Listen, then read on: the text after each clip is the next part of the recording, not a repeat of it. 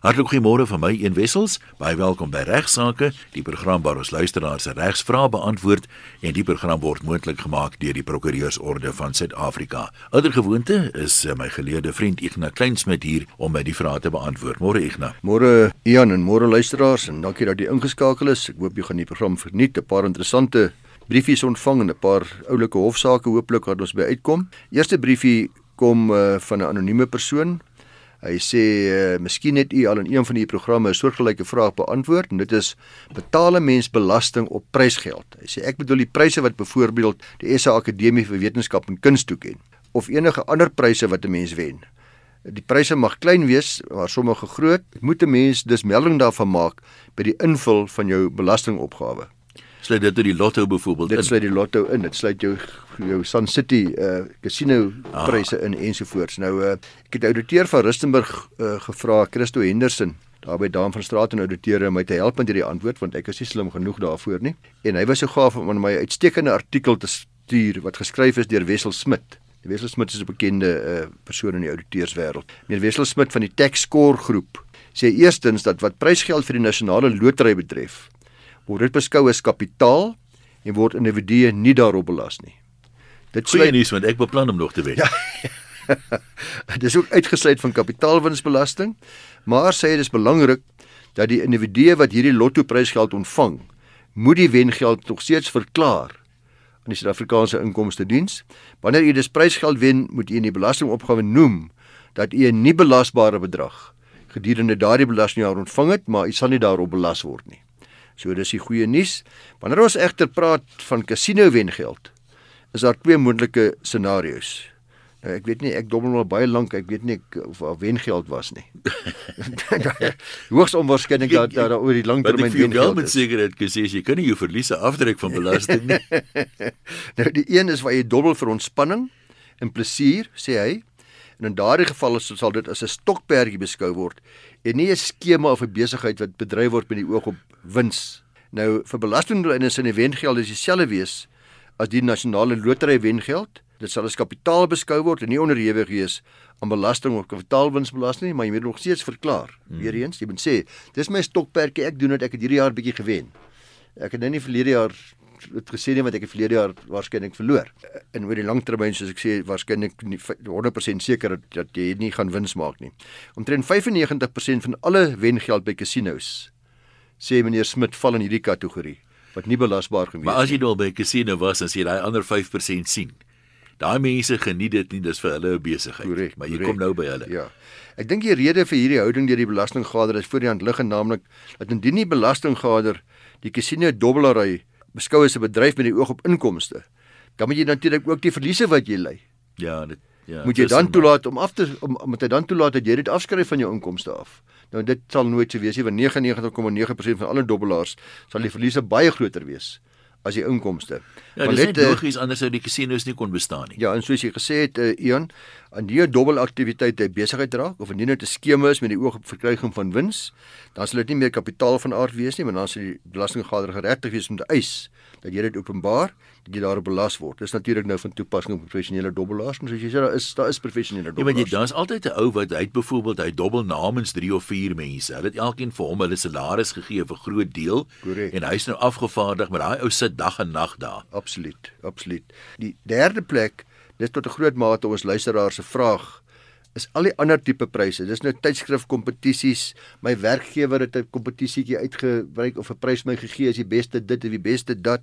Nou meneer Smit sê dat daar 'n spesifieke insluiting en 'n definisie van bruto inkomste wat sê dat bedrag wat ontvang is vir dienste gelewer, selfs al is dit vrywillig, sal ingesluit word in bruto inkomste en natuurlik onderhewig wees aan belasting. Dit is algemeen, dit verstaan ons. Wanneer werknemers dus 'n vergoeding ontvang van enige aard wat verwant is aan sy werksfunksie prys vir die beste kandidaat prokureur, vir prys vir die beste omroeper in jou geval. Sal dit beskou word as 'n bruto inkomste, dis deel van jou inkomste jy gaan daar belas word.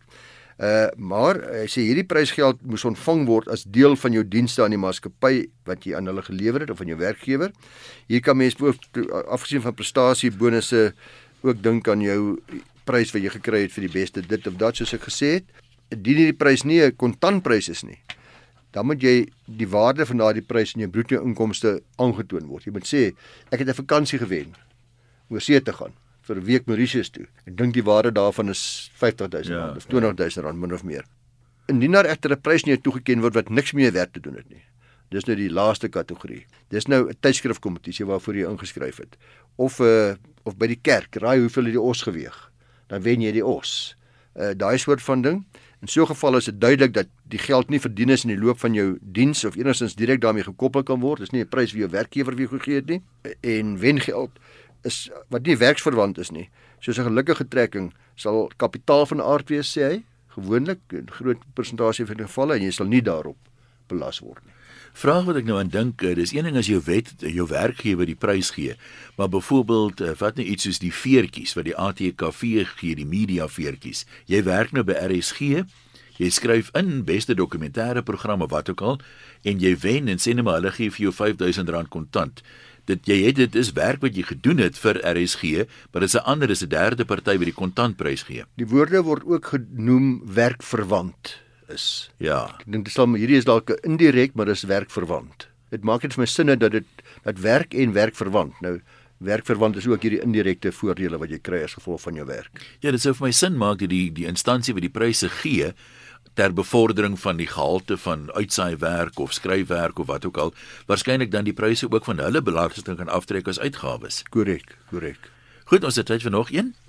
Die vraag wat ek hier vra in die volgende bydra is: Vry jy met my buurman se vrou? Nee, uh, sy dogter. Icona of ja, miskien die spreekwoord uh, sê vra is vry en lekker daarby. Dis goed bekend, maar kan ons ook sê vry is vry en lekker daarby. Is dit altyd so? Is vry met die buurman se vrou altyd gratis? Dit laat my dink aan daai rockliedjie. How can this be wrong if it feels so right? Ja. hulle sê vry oor die draad is lekker, maar onthou tog stel net die wekker. uh, nou in die beeld van 17 Maart hierdie jaar is daar gerapporteer oor 'n uitspraak in die Hogeregs van Bloemfontein. Ek het nie die saak gelees nie, daarvan wys ek maar na die artikel waar Lizet van Skalkwyk 1.5 miljoen rand van haar eksman Willem se kleinniggie. Uh die eis is gebaseer op die bewering dat die kleinniggie vir Willem van die eiseres afgerokkel het, afgevry het en selfs nog daaroor gespog het. Nou volgens die berig het uh, Lizet van Skalkwyk eers na hulle egskeiding vasgestel wat werklik die rede was vir die egskeiding. Sy het nie voor die tyd geweet nie, naamlik die verhouding wat haar voormalige man gehad het uh, met hierdie dame daar van Woodland Woodland Hills. Aha. Nou ek het al 'n paar jaar terug vir luisteraars op hierdie program verduidelik dat in Suid-Afrika oorspel as gronde vir 'n siviele eis reeds in die appelhof en daarna in die konstitusionele hof uit ons reg verwyder is. En blote oorspel uh deur enige huweliksgenoot is dis nie meer 'n grond om geld te eis vir 'n siviele eis teen die ander derde party nie. Ek het ook daarop gewys dat hierdie hofsaak, hierdie konstitusionele hofsaak destyds wat baie uh, belangrik was uh, vir familieregsaake, nie van toepassing is op die afrokkeling deur iemand buite die huwelik van my huweliksgenoot nie. As jy net gewone oorspel en dis die afrokkeling, jy kom vernietig my huwelik. Stelselmatig maak jy seker dat jy hierdie man van my vat of hierdie vrou van my vat. Daai afrokkeling is nie net daai saak geraak nie. Uh ek het toe ook gesê dit sal eendag van 'n tyd waarskynlik ook die onderwerp wees van 'n appelhof uitspraak of 'n konstitusionele hof uitspraak. Nou die saak wat in die media bespreek is, was nog net in die Hooggeregs van Bloemfontein en ek weet nie of daar dalk appel aangeteken is al dan nie, maar hierdie is 'n baie goeie geleentheid. Want die feite spreek presies dit wat ons uh, graag wil in ons howe sou wou weet of dit nog regtig iets is wat 'n siviele eis regverdig. In hierdie geval het die jong uh, Robert se oorspelige verhouding ontken en het sy eksepsie teen die eis aangeteken reeds op die basis dat sy aangevoer het dat in die Suid-Afrikaanse reg kan 'n eggenoot nie meer 'n eis vir vergoeding weens oorspel instel nie. Maar regter Joseph Joseph Mshlambi het daarop gewys soos ek sopas gesê het dat dit nie beteken dat 'n eis gegrond op afrokkeling want hierdie is 'n afrokkelingseis, dit is nie 'n oorspel eis alleen nie, dis 'n afrokkelingseis. Dat dit nie ingestel kan word nie en dit bevind dat die stukke dis wel voldoen. So hierdie eksepsie is toe van die hand gewys. Gesê hierdie saak kan voortgaan en uh, ek sal poog om as hierdie saak wel voortgaan, as hy wel uh, tot volëinding gebring word in die hof, gaan ek my bes probeer luisteraars die uitspraak in die finale saak uh, te vind en uh, dit miskien dan ook met ons luisteraars te deel as dit moontlik is om in die hande kry. Ja, maar dis baie na verwant. Dit sal interessant wees om te hoor presies wat jy moet bewys of beweer dan uh die geval want ek meen slaag jy met die eis sal dit ook maar in geld wees. Ja. Uh, jou vergoeding. Korrek, dan het 'n uh, Hein Papenfoos, een van die manne wat daar vir ons werk vir my 'n saak uh, voorberei van Marash en ander teen die Mandag Center of Investigative Journalism NPC en ander appelhofsaak. Dit gaan oor die media se reg op vryheid van uitdrukking soos vervat in artikel 16 van die grondwet en die ongeregverdigde beweerde ongeregverdigde beperking daarvan. In hierdie geval het die nasionale direkteur van openbare vervolging geweier om aan die Mail and Guardian koerant toestemming te gee om die rekord van 'n onderhoud wat in 2003 gevoer is deur die voormalige direktoraat van spesiale operasies met meneer Maras en sy vrou om dit te openbaar. Nou die nasionale vervolgingsgesagswetgewing artikel 41 6 daarvan sê dat niemand mag sonder toestemming van die nasionale direkteur van openbare vervolging die rekord van getuienis by 'n ondersoek soos bedoel in daardie in 'n ander artikel openbaar maak of publiseer nie. Maar hoe dit ook al sê, hierdie weiering het toe geweier en het gevolg gehad dat die Mail and Guardian nie 'n sekere artikel kon publiseer wat bepaal het dat meneer Marash, 'n voormalige kabinetsminister en presidensiële, is Mac Marash, presidensiële woordvoerder, vals inligting verskaf het en nagelaat het om sekere inligting bekend te maak tydens sy artikel 28 ondersoek nie. So uh die nasionale direkteur het Mailing Guardian in kennis gestel van sy weiering in 'n brief waarin hy redes verskaf het wat onder andere ingesluit het dat hulle besluit gegrond is op beleidsoorwegings, dis die woorde wat gebruik was, mm -hmm. as ook die oorweging van die belange van die betrokke partye, die Maras in besonder dan. In reaksie hierop het die Mandak Center of Investigative Journalism NPC sy besturende vernoot en die Mail and Guardian 'n suksesvolle hof aansoek gebring by die Hoërhof tot die effek dat die weiering van die toestemming deur die nasionale direkteur van openbare vervolging tersyde gestel moet word. Uh, hy op sy beurt die nasionale direkteur het weer geappeleer uh, nadat hulle suksesvol was in die in die in die hof van eerste instansie na die hoog na die hoogste hof van appel. En die vraag was dus of die nasionale direkteur van openbare vervolging behoorlik sy diskresie uitgeoefen het toe hy besluit het om nie toestemming aan Mailing Guardian te gee nie en die hof beslis die volgende. Die volgende aspekte word deur die hof oorweeg. Eerstens die hof bevind dat die nasionale direkteur van openbare vervolging by die uitoefening van sy diskresie 'n toepaslike balans moet vind tussen die beveiliging van die integriteit van die kriminele regstelsel want dis waaroor dit hier gaan en die handhawing van die reg op vryheid van uitdrukking daai balans tussen hierdie twee ook bevind die hof dat die diskresie wat aan die direkteur toegeskryf word beteken dat daar soms gevalle gaan wees waar die openbaarmaking van inligting in artikel 28 ondersoeke wel toegelaat behoort te word. Die hof bevind so, dis nie net altyd 'n nee nie. Sê sorry, dis ons beleid nie. Die hof sê jy moet diskresie uitoefen, jy moet hierdie aspekte te mekaar opweeg. Die hof bevind dat in hierdie saak het die aangeleentheid gehandel oor 'n baie senior regeringsbeampte wat betrokke was by uh, beweerde korrupsie en dat die publikasie van die inligting beslis in die belang van die algemene publiek sal wees en moet wees. En tweedens dat die integriteit van die kriminele regstelsel baie min eintlik geensins skade sou ly as gevolg van die publikasie van daardie inligting wat gevra was nie. So gevolglik is die appel van die hand gewys. Ja, een ek het nou ongelukkig die briefie verloor, maar 'n luisteraar het geskryf en gesê dit irriteer hom vreeslik dat mense met al hierdie vreeslike ligte deesdae op hulle voertuie ry die LED ligte wat voorop gesit word en, en saam met hulle gewone hoofligte wat die voertuie mee gefabriseer word en hy sê ook mense wat dan allerlei flikkerligte aan het wat lyk soos hulle polisievoertuie is ja. ensovoorts ensovoorts en hy vra of dit uh, wettig is. Mens moet dan seker net in die begin sê dat baie voertuie kom deesdae of opsioneel of standaard uit met LED ligte. Jy weet van die fabriek ja, af, maar dis ja. net vir beter beligting snags. Nee, hy praat van die LED ligte wat bo op die op die bakkie se dak gemonteer ja, word ja. in die voor op die op die wat is 'n goeie mooi vir boelbaar voor op die uh, voertuie. Nou regulasie 177 van die padverkeerswet skryf voor dat niemand mag op openbare pad 'n motorvoertuig ry met 'n kollig wat aangepas kan word deur dat die ligstraal wat uitgestraal word in enige rigting afgebuig kan word nie met dien verstande dat verstelbare kolligte toegerus en gebruik word vir amptelike doeleindes op enige ambulans, reddingsvoertuig, brandbestrydingsvoertuig, polisievoertuig of verkeersbeheermiddel. Uh of gemonteer kan word op 'n voertuig wat deur 'n mediese praktisyn of veearts besit word en in die uitvoering van sodanige persoon se professionele pligte gebruik word of toegerus word op enige noodvoertuig in die uitvoering van openbare en saaklike verpligtinge. Nou LED-ligte is oor die algemeen nie wettig op voertuie in Suid-Afrika volgens die verkeers- en vervoerwetgewing nie. En die rede daarvoor is die regulasies rondom die montering van sulke ligte op 'n voertuig, die addisionele montering, nie die standaard montering op die voertuig nie. Die standaard beginsel is dat al die lig op jou voertuig op gelyke afstande van die denbeeldige sentrale middelpunt van jou voertuig gemonteer moet word om hierdie voertuig dan padwaardig te maak. Nou die wet interpreteer kolligte of dan eh, wat ook genoem word deur hulle LED gemonteerde ligte as ekstra hoofligte, addisionele hoofligte op jou voertuig. Daar mag nie meer as 6 hoofligte op die voorkant van enige voertuig wees nie. Dit sluit dit dit uh, welke die standaard ligte insluit. Verder mag dit nie meer as 1.4 meter van die grond af wees nie en al die ligte op jou voertuig moet werk. Moet altyd in 'n goeie toestand wees. So as jy begin jy mekaar raak, ekstra kolligte of ekstra spotlights kan dis op op 'n privaat voertuig toegelaat word mits hulle aan baie streng voorwaardes voldoen. Hulle moet SABS goedgekeur word, hulle moet in 'n vaste posisie wees, moet nie draaibaar wees dat hulle anders kan skyn as wat hulle normaalweg skyn nie. Die bedrading moet met addisionele siklusse en smeltdrade gekoppel wees en al sulke dinge. Moet ook hulle eie skakelaars hê. So dit is belangrik dat hierdie ekstra kolligte aangepas moet word uh, om verblinding van aankomende verkeer te vermy. Hulle mag op geen manier aankomende verkeer uh verblind nie.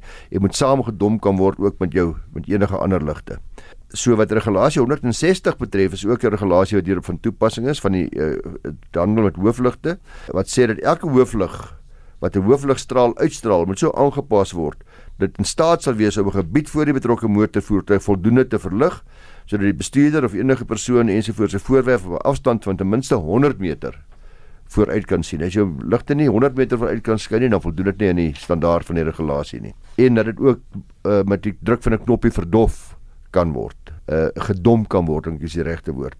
Regulasie 185 uh sê dat alle ligte wat nie voorgeskryf of gemagtig is, die ander regulasies wat nou reeds genoem is nie, is verbode. En dan ter afsluiting moet ek net sê dis belangrik om 'n gedagte hou dis luisteraars dat daar 'n stel SABS spesifikasies is om aan te voldoen wanneer mens enige bykomende ligte in jou voertuig wil sit. Nou as voorbeeld word bepaal dat ligte nie op 'n hoogte van meer as 1,4 meter aangebring mag word nie. Nou dis belangrik om dit byvoorbeeld hierdie mense wat dit op die rolstawe bo op hulle voertuie wil aansit. Dis hoor is dit nie meerendeels jagters wat dit doen vir snags jag nie. Ja, maar dan mag nie op 'n bare pad daardie lig gebruik nie. Mm. Maar nie meer as 1.4 meter hoog nie en uh, dis so rolstawe uh, ligte hierdie wat bo die bakkies se ja, dakke ja. is, is is dan uh, mag nie gedoen word nie. Dis belangrik dan uh, beste raad sal wees om maar die plaaslike lisensie en verkeersowerheid te gaan sien en te nader vir inspeksie om te verseker dat u ligte as padvaardig beskou sal word. Ek het al motors gesien met eienaardige ligte. Ouens dink seker dit lyk nou oulik of funky of wat ook al ja, maar. Ja ja. Dit lyk windy. Dis 'n mooi woord. Dis die woord wat ek gesoek het. Luisteraars sal in herinnering roep dat ek verlede jaar Ian jy sal onthou 'n saak bespreek het as waarskuwing vir mense wat uh, gaste, kuiergaste het met kinders wat jy aanspreeklik gehou kan word as daardie klein ding iets oorkom want in 2004 al reeds nie die saak is nou maar eers onlangs uh, in die howe ter berde gekom het 'n groep dames 'n weeklikse selgroep op 'n baie tragiese noot afgesluit. Elke week het die dames al diens gehou by een van die huise terwyl een van die mammas se 2-jarige dogtertjie by stoep binne sig van die groep gespeel het. Nou hierdie ma wie se dogtertjie nooit verder uh, op die stoep weggedwaal het nie het op 'n dramatiese toneel afgekom toe haar klein ding uh, na 'n paar minute wat hulle maar 'n paar sekondes eintlik uh, drywend in die omheinde swembad opgespoor het. Uh dit was nadat aandag net vir 2 of 3 minute afgedwaal het, so sy haar dogtertjie se start uh, se karstoeltjie pak het, gemonteer het.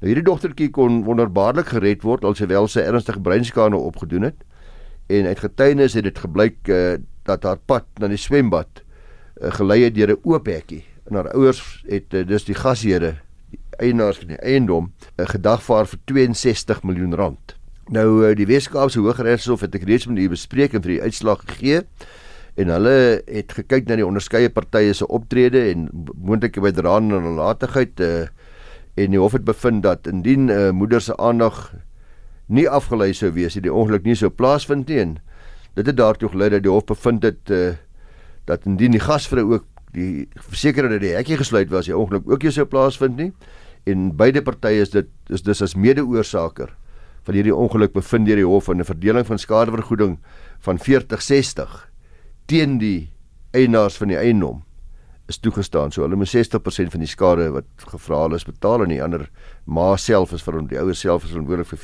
40%. Nou die aangeleentheid is nou doen verder geneem. Ek het toe gesê toe toe ek wonder waar appel aangeteken gaan word. Daar is toe appel aangeteken. En ek het nou ook die appelsaak uh, hmm. onder oog gehad. Dit is Stedel en 'n ander versus Espeling en 'n ander. Onlangs in die uh, in 2018 hierdie hoogste hof van appel uitspraak gegee en die hoogste hof bevind uh, hulle moes bepaal of die versuimdes om die swembaddekkie te sluit onder die omstandighede onregmatig was. Uh die appel bevind dat waar 'n ouer 'n kind in iemand anders se huis neem met die wete dat daar 'n swembad is en gewoonlik sal hulle self hulle kinders toesig oor mense kinders jou eie ouers moet hulle eie kinders kyk en jou aandag word afgelei dat in daardie omstandighede die gasheer se optrede nie onregmatig kan wees nie. Die hof bevind dat geen nalatigheid aan die eienaar van die eiendom toegeskryf kan word nie want uh, die hof sê 'n redelike persoon in dieselfde omstandighede wat geweet het dat die ma, dis nou mevrou Espeling, 'n oulike ouer is, 'n versigtige ouer is, 'n goeie ma is, wie die kind met vorige besoeke nog altyd konstant behoorlik onder toesig gehad het en altyd mooi kyk na haar kinders ensovoorts, dan is ek geregtig om aan te neem dat hierdie besoek nie anders sal wees nie. Ek hoef ook nie nou te kyk kyk sy mooi na haar kinders nie. Dis nie deel ja, van my dat ja. jy sê is mos nog altyd 'n goeie ma en 'n mooi toesighouer en kyk mooi. So die hof se die hof akkoose beslissing word tersyde gestel en die ouers se eis word dus van die hand gewys. Hulle word beskou as 100% nalatig in hierdie geval die moeder. So daar's dus 'n verslapping van die aanvanklike uitspraak deur die Hooggeregshof, maar ek moet ook dadelik waar dis dit beteken nie dit in alle omstandighede so sal wees nie. Dit is in hierdie spesifieke geval waar dit 'n weeklikse vergadering was en die klein ding altyd daar is, die ma altyd mooi kyk ensovoorts en daar geen 'n redelike verwagting kan wees van hierdie ander ouer, die vriendin om te sê ek moet nou sekere maatreëls tref om te verseker dat die kind goed na gekyk gaan word nie. Uh, maar oor die algemeen sal die hof in baie ander hofsaake kritiek lewer waar uh, swemmatjies net dood eenvoudig toegelaat word. Sê dan maar daar's 'n groot funksie vanaand. En die kinders hardloop almal daar rond en almal weet hulle gaan op die grasberg speel net om nou 'n ander scenario te skep. En ons groot mense gaan sit en braai en drink daar onder die kere sal jy verwag dat 'n behoorlike voorsorgmaatreëls getref moet word deur die gasheer, die eienaar van die perseel of die nou ook uh, openbare plekke of jou private huis is. So van die onware omstandighede van elke voorval kan nog steeds nalatigheid aan die toepaslike partye toeskryf.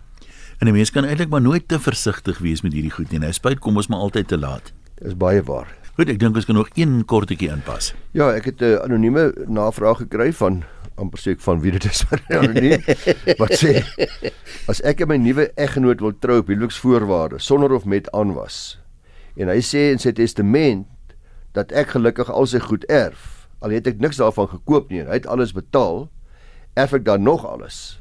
Nou as mens buitegemeenskap met goedere getroud is dan is jy natuurlik vergader jy elkeen jou eie bates. En uh, as die testament sê jy gaan alles erf dan sal jy alles erf. Alles van jou man wat op daardie stadium wat hy besit het, en jy sê alleen erfgenaam van sy deel van die bates, dit wat jy bymekaar gebou het, gaan jy in elk geval hou, dis joune, dit vererf nie wanneer hy doodgaan nie. Maar onthou die een voorwaarde is dat daardie testament moet nog geldig wees op datum van sy dood. Hy kan dit natuurlik enige tyd hy verander. Hy kan dit elke liewe dag verander. Ek kan elke dag 'n nuwe testament maak. Vanaand uh, kuier ek mamma lekker en sy skwaad, dan gee ek vir haar nuwe testament wat sê sy erf alles.